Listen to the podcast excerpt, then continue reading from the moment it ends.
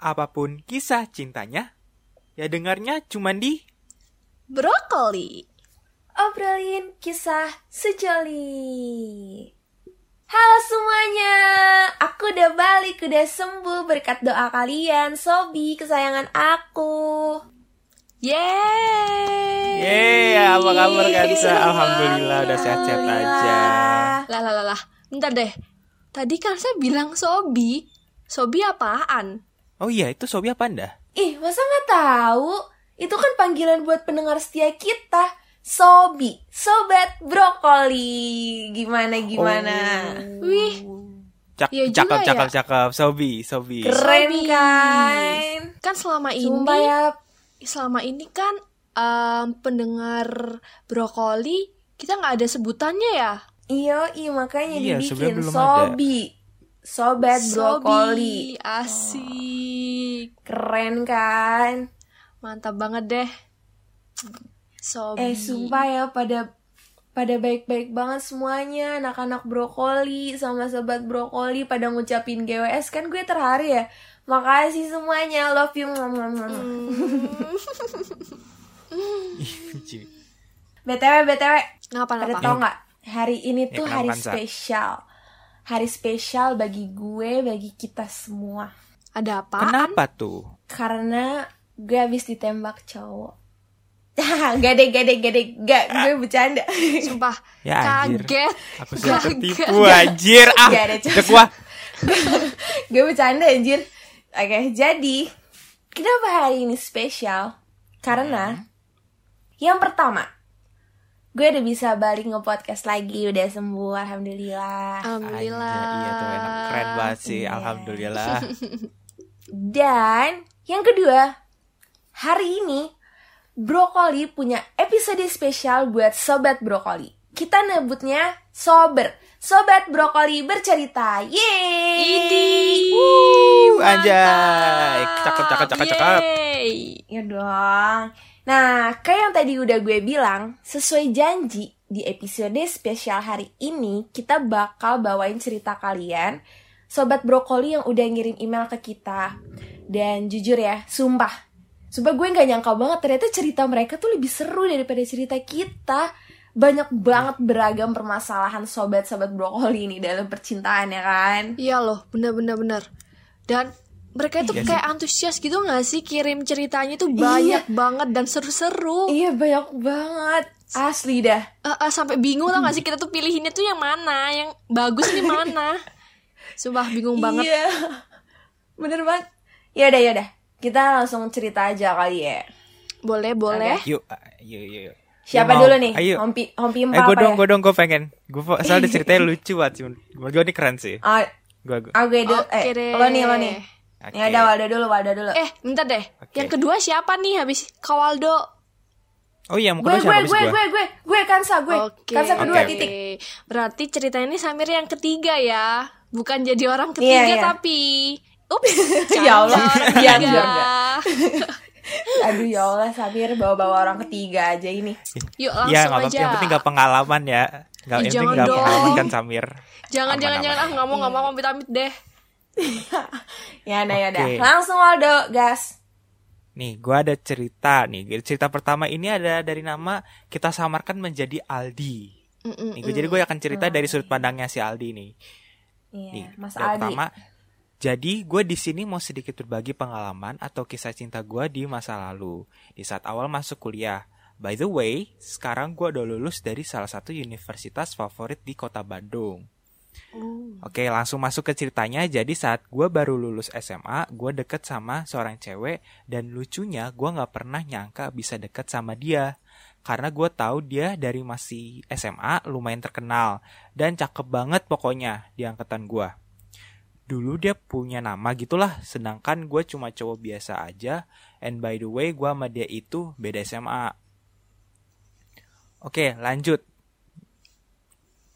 Singkat cerita, kita udah deket dan saling suka. Terus dia juga baik cerita kalau masa lalu dia sering disakitin sama mantan-mantannya. Dan gue seneng banget bisa ada buat dia balikin kebahagiaannya dia.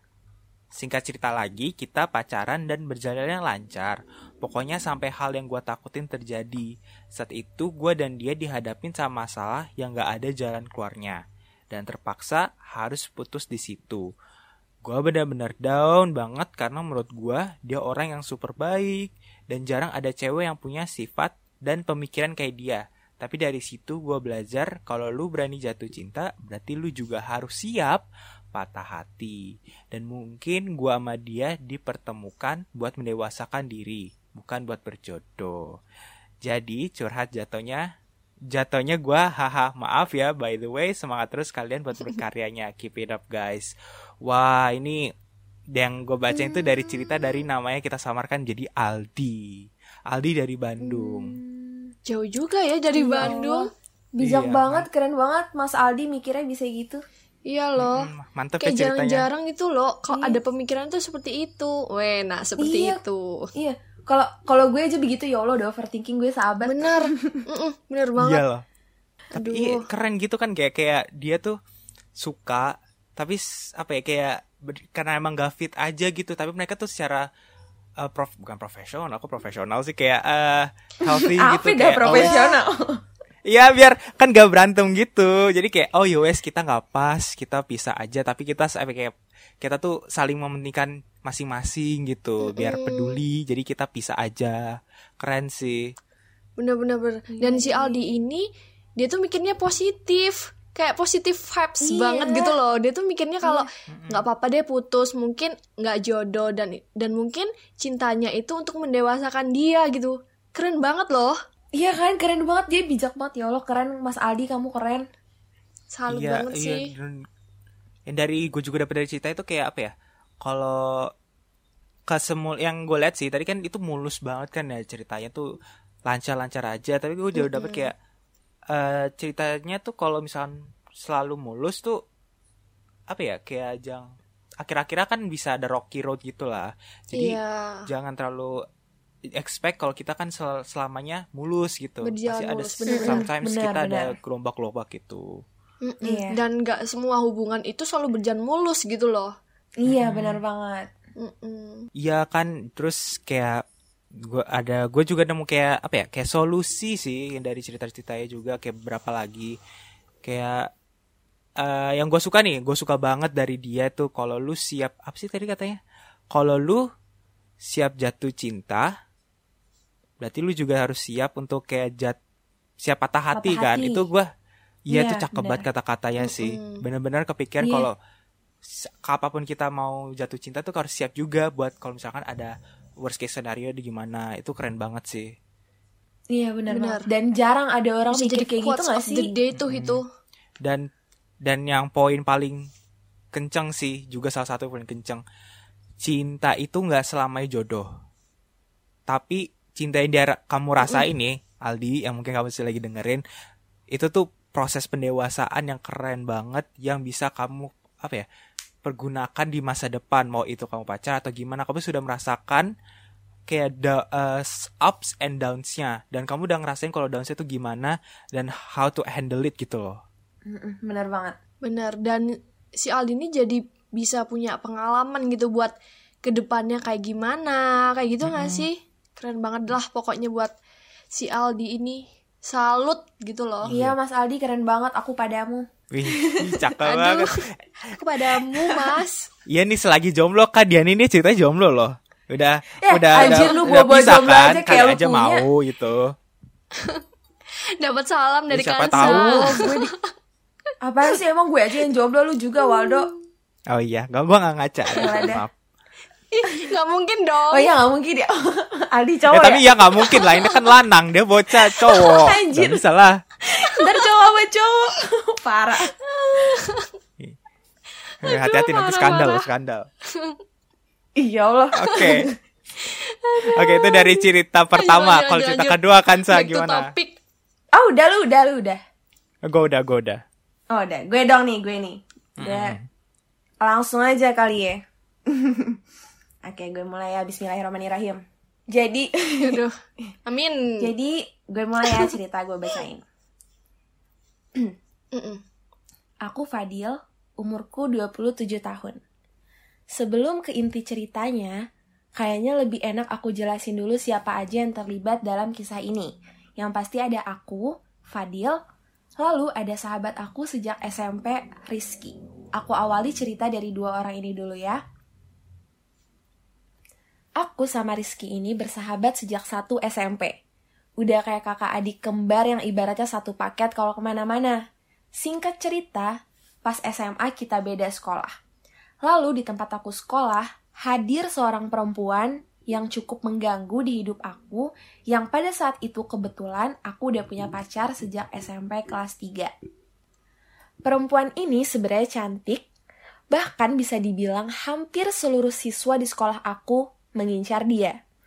Dan apa yang membuat aku merasa terganggu adalah dia ini selalu melakukan hal yang jadi perbincangan orang-orang di SMA aku ini. Semisal, ketika aku mau ke kantin atau ke mana pun di lingkungan sekolah, dia selalu bertingkah manja dan tanpa ragu menggandeng tanganku, seolah menunjukkan kalau dia pacaran sama aku. Sebenarnya aku gak keberatan sih, karena aku gak menganggap dia lebih dari teman sekelas. Apalagi aku juga sadar diri, aku udah punya pacar. Dan sebenarnya itu yang mengganggu, karena aku ingin menghargai pacar aku walaupun beda sekolah. Belum lagi pandangan orang sekitar yang jadi memandang aku sebagai saingan mereka. Oh iya, perempuan ini bernama Fanny, dan intinya kira-kira seperti itu gambaran kedekatan aku dan Fanny. Suatu ketika, Rizky yang bersekolah di SMK yang isinya dominan laki-laki semua, tiba-tiba melihat foto Fanny di foto kelasku. Dan dia sepertinya suka sama Fanny, dan di situ aku pikir ini bisa jadi kesempatan bagus buat aku untuk bisa menjaga jarak dengan Fanny. Gak lama aku memperkenalkan mereka masing-masing dan singkat cerita mereka berpacaran. Aku lupa mereka berpacaran berapa lama, tapi entah kenapa mereka akhirnya putus. Tapi setelah itu sampai sekarang mereka masih berhubungan baik. Bahkan selang waktu tersebut mereka pernah putus nyambung. Dan hampir ke jenjang pernikahan. Namun, karena satu dan lain hal, mereka nggak jadi nikah. Tapi bisa dibilang sahabat aku, Rizky ini benar-benar menganggap Fanny perempuan idaman yang ingin dia jadikan istrinya meskipun sekarang Rizky sudah menikah. Dan lucunya, karena kebetulan aku jadi saksi semua perjalanan itu, di tengah perjalanan cinta mereka, sempat tumbuh suatu perasaan di hati aku terhadap Fanny. Yang walaupun pada akhirnya tertahan dan tidak berkembang lebih, karena aku sadar betul pada saat itu Rizky sangat memperjuangkan Fanny untuk menjadi istrinya. Dan di umur aku saat ini, di mana sahabat aku udah menikah, lalu Fanny yang memang masih single, dan aku pun juga sama masih single tapi merasa sudah harus secepatnya menemukan pasangan hidup untuk ke depannya, tiba perasaan yang pernah tertahan ini hadir kembali mulai mengganggu. Aku tahu persis seperti apa pandangan Rizky terhadap Fanny, meskipun Rizky sudah menikah dan aku merasa lebih menghargai perasaan Rizky ini. Meskipun sempat terpikir nggak ada salahnya, aku mencoba untuk mengungkapkan ke Fanny dan kemungkinan bisa berjalan dengan baik, tapi juga sempat terpikir setelahnya. Ketika semisal aku sedang kumpul dengan sahabatku ini dan bertemu dengan Fanny yang semisal sudah bersamaku, gak terbayang akan seperti apa, dan sampai sekarang um, aku cukup memendam perasaan ini sendirian tanpa terungkapkan juga perasaan yang sebenarnya karena ketakutan akan kemungkinan terburuk tadi. Oke, udah kelar. Makasih Fadil udah mau sharing ceritanya ke kita. Hey. Terima kasih. Makasih. Deep banget ya ceritanya ya. Kasihan nah, tau gak sih? Mm -mm. Nah, yang gue tangkep dari cerita si Fadil tadi, jadi si Fadil ini suka sama Fani. Di mana itu mantan temannya sendiri si Rizky. Rizky mendambakan Fani banget sampai si Fadil nggak berani ungkapin perasaan suka dia ke Fani. Padahal di satu sisi si Rizky ini udah nikah. Tapi si Fadil tetap gak enak sama si Rizky karena dia, ya tadi si Rizky masih mengidamkan si Fanny. Tuh. Kalau menurut gue, hmm. kalau menurut gue ya, hmm. kalau lo emang suka, kalau lo emang cinta, nyatain aja. kan perasaan orang tuh nggak ada yang bisa nebak siapa tahu dia juga suka balik sama lo kayak nyatain aja Hmm, ya kan? benar. nyatain aja nggak Iya. perlu mikirin orang lain. Karena ya lo juga punya hak kan Iya. buat nyatain isi hati lo gitu. Ada baiknya eh, untuk mencoba. Karena ketika lo mencoba buat nyatain ada kemungkinan lo berhasil sama dia. Tapi kalau lo nggak nyoba sama sekali lo nggak bakal tahu hasilnya gimana. Ke depannya tuh gimana lo tuh nggak bakal tahu. Dan itu sama aja kayak lo tuh ngegantung perasaan diri lo sendiri malah bisa tambah bimbang tambah bingung. Mikir nih gue ungkapin apa gue tahan? gitu. Kan gak enak ya. Dan juga kalau emang lo gak enak sama temen lo ya lo bisa omongin baik-baik. Kalau lo itu suka sama si Fanny itu. Bilang ke teman lo kalau lo tuh mau nyatain perasaan lo ke cewek itu. Lagi pula temen lo kan juga udah punya istri ya kan? Jadi menurut gue kalau lo mau ungkapin isi hati lo itu tuh nggak apa-apa. Malah nggak apa-apa banget iya kan? Hal wajar kan? Iya bener. Bener banget kan Iya. Sah? Dan ntar kalau misalnya kita nggak ngungkapin Itu juga jatuhnya sakit iya kan ke jadi diri sendiri penasaran itu. sendiri. Kita jadi serba Bener salah banget. Mm. kan itulah. Pokoknya pokoknya buat Mas Fadil semangat terus deh. Ya. Yes. makasih banget Semangat, udah mau sharing ceritanya ke kita. Iya yaudah Cepet buat keputusan Iya. ya Kita tunggu iya kita keputusannya kita ya tim tim brokoli nunggu keputusan Iya, kita jadi bener. tim ses ya. Kita tim brokoli iya kita Hashtag jadi tim sukses ya jangan lupa brokoli Fadil. semangat bang Fadil Semangat Bang Ya udah. Fadil.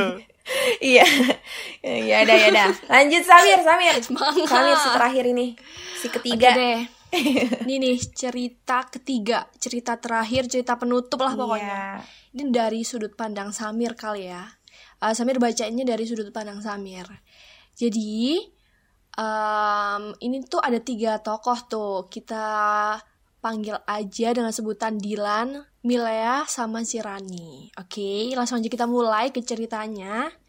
Jadi si Dilan ini udah jomblo sekitar kurang lebih tiga tahunan lah. Eh, tapi dia deket, deket sama cewek adalah pokoknya. Nah, tapi kalau officially hubungannya benar-benar resmi itu terakhir dia jalanin waktu SMA kenaikan kelas 2. Nah, waktu SMA Dilan itu lagi bandel-bandelnya deh soal cewek. Jadi gitu dekat sana sini gitu sama cewek banyak. Nah, terus em, di sekolahnya itu ada primadona tuh, namanya si Milea. Nah, si Dilan awalnya tuh nggak deket tuh sama si Milea ini. Tapi mulai deketnya itu waktu acara ulang tahunnya si Milea yang si Milea ini ngundang semua teman-teman sekelasnya gitu. Udah rich people banget lah pokoknya. Tapi si Dilan ini tuh nggak ada niatan untuk deketin si Milea ini sama sekali karena kan dia kan cuman anggap temen doang gitu lah pokoknya.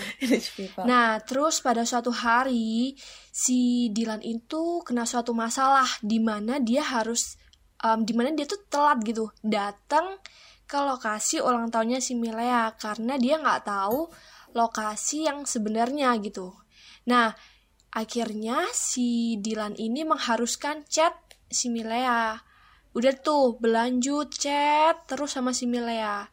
Nah, si Dilan ini tuh makin penasaran sama si Milea karena si Milea ini tuh kayak misterius banget deh, pokoknya cuek, pendiam gitu lah pokoknya. Terus em, si Dilan ini tuh mancing-mancing tanya ke Milea tentang kalau misalnya dia pergi eh, responnya gimana dan akhirnya si Milea itu jawab kalau misalnya dia bakalan tetap stay sama si Dilan ini. Udah dong. Ada lampu hijau kan? Akhirnya tetap digas terus sama si Dilan nih. Nah, si Milea itu ternyata juga ada yang suka dan itu tepat banget sama temennya si Dilan. Jadi yang suka sama si Milea itu kebetulan temennya si Dilan karena Dilan ini tipe cowok yang nggak mau tengkar sama temennya sendiri karena masalah cewek, akhirnya dia tuh mundur, agak mundur tuh. Dan akhirnya dia memastikan dengan tanya ke Milea soal hubungannya dengan si temennya ini. Terus tuh ya, setelah dia tanya gitu tentang hubungannya, nah si Milea ini, nah si Milea ini jawab enggak dong. Dia tuh akhirnya jawab, uh, akhirnya si Milea ini jawab enggak dong ke Dilan ini. Kalau misalnya dia tuh nggak ada hubungan apa-apa sama si temennya Dilan. Lampu hijau semakin terang. Terus mereka itu nonton film pulang waktu pulang sekolah nonton film bareng makan bareng dan intensitas chat-chatannya juga semakin tinggi. Nah mulai kan ya? Nah pokoknya si Milea ini makin deket lah sama si Dilan gitu. Dan lama-lama Dilan itu uh, cocok gitulah sama Milea.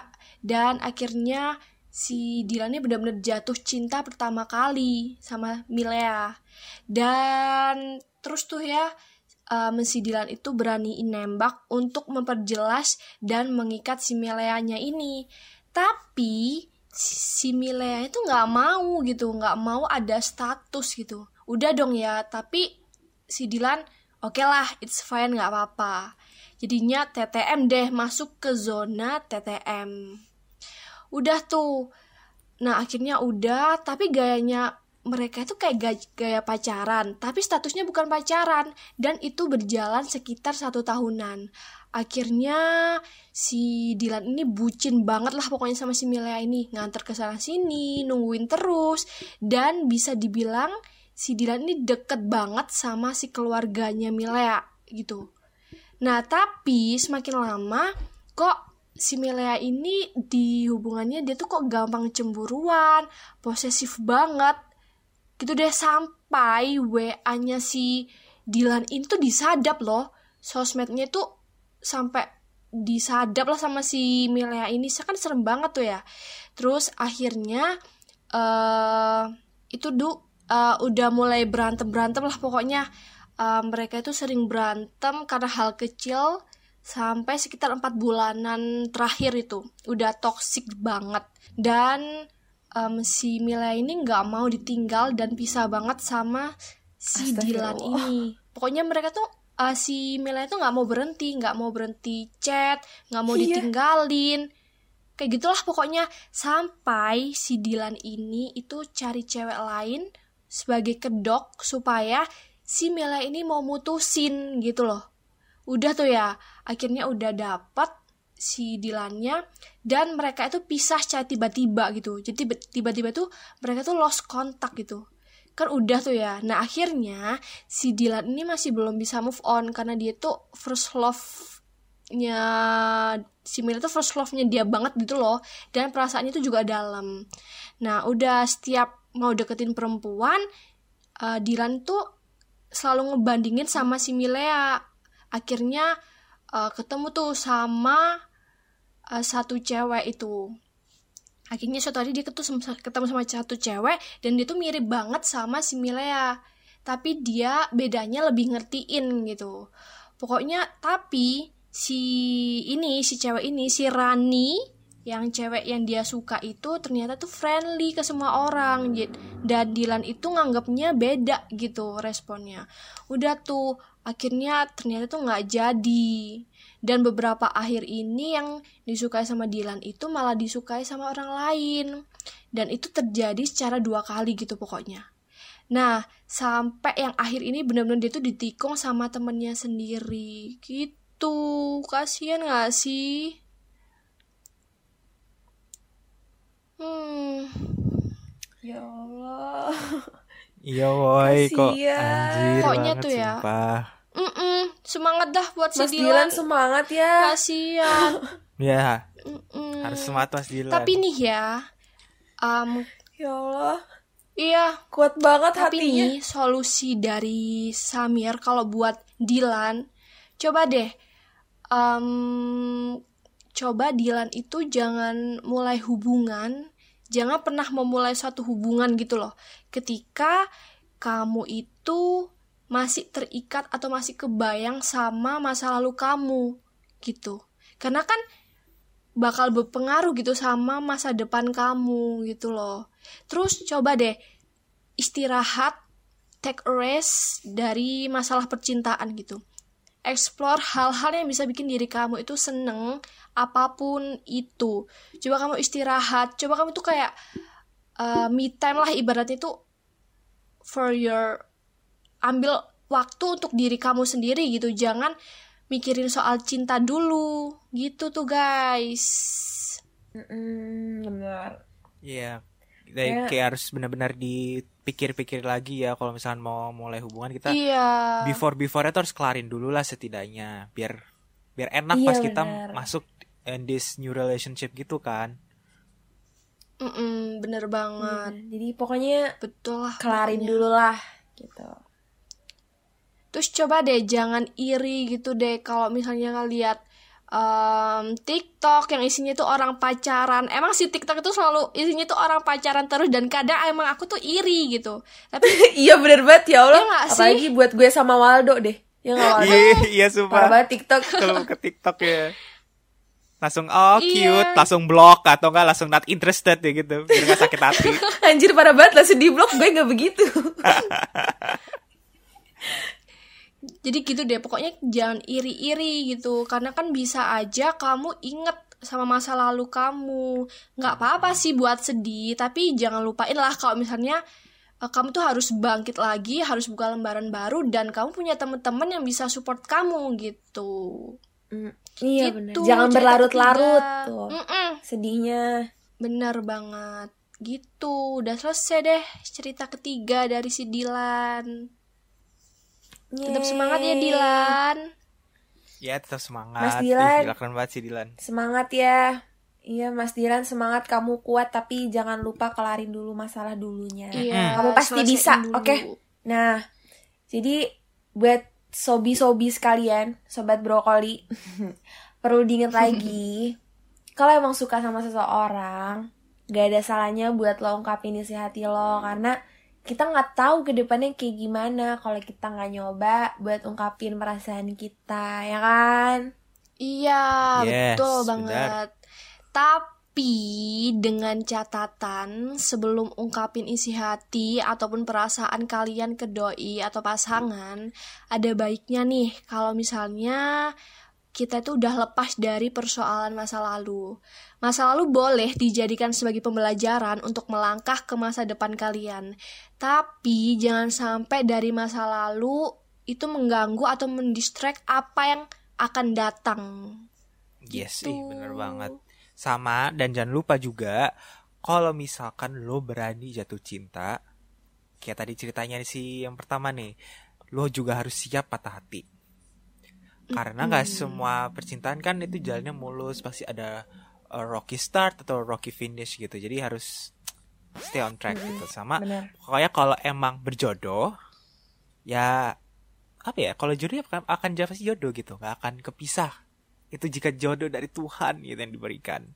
Sama iya benar. Udah hmm, jalannya.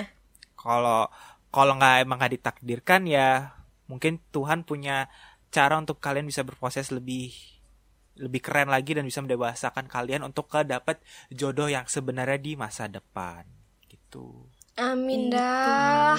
Amin amin amin. Amin ya Allah amin. Nah.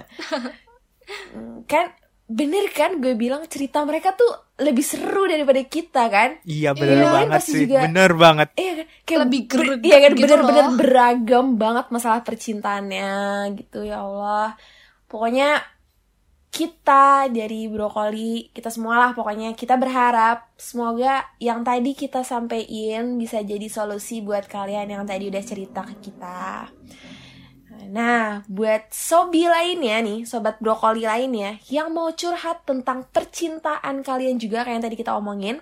Yang lagi seneng yang lagi sedih galau, yang jomblo, yang berantem sama pacar, yang lagi ada di toxic relationship, yang putus, yang balikan, yang lagi kagum sama seseorang. Buset, dah banyak banget gue nyebutin contohnya. Iya, pokoknya pokoknya semua permasalahan percintaan kalian, kalian boleh banget sharing-sharing sama brokoli sama kita, curhat gitu ya kan sama kita Bener. biar langsung uh, biar diceritain gitu di sini. Siapa tahu bisa dapet mm, jalan keluar dari kita kita juga ya kan? Mm-mm, itu dan- kalian bisa langsung kirim Iya. email di obrolin kisah sejoli at gmail.com ya. Ingat obrolin kisah sejoli at gmail.com ya jatuhnya nama brokoli kita eh, apa kepanjangan brokoli. Yes. Itu obrolin kisah sejoli terus tambahin at gmail.com lah gampang itu mah. Ya kan? Mm, Yes, benar. Betul. Nah, buat sobi-sobi semua nih ya, ki yang kirim cerita cinta kalian, tenang aja. Chill aja, stay calm karena dijamin 100% eh nggak ada yang 1000% lah pokoknya identitas kalian bakalan dijaga kerahasiaannya dan nggak akan bocor. Ih, bener mantep. pokoknya namanya pasti udah kita samarin tenang pokoknya. Bener. Mak- makanya stay tune terus di episode Brokoli setiap hari Rabu jam 5 sore.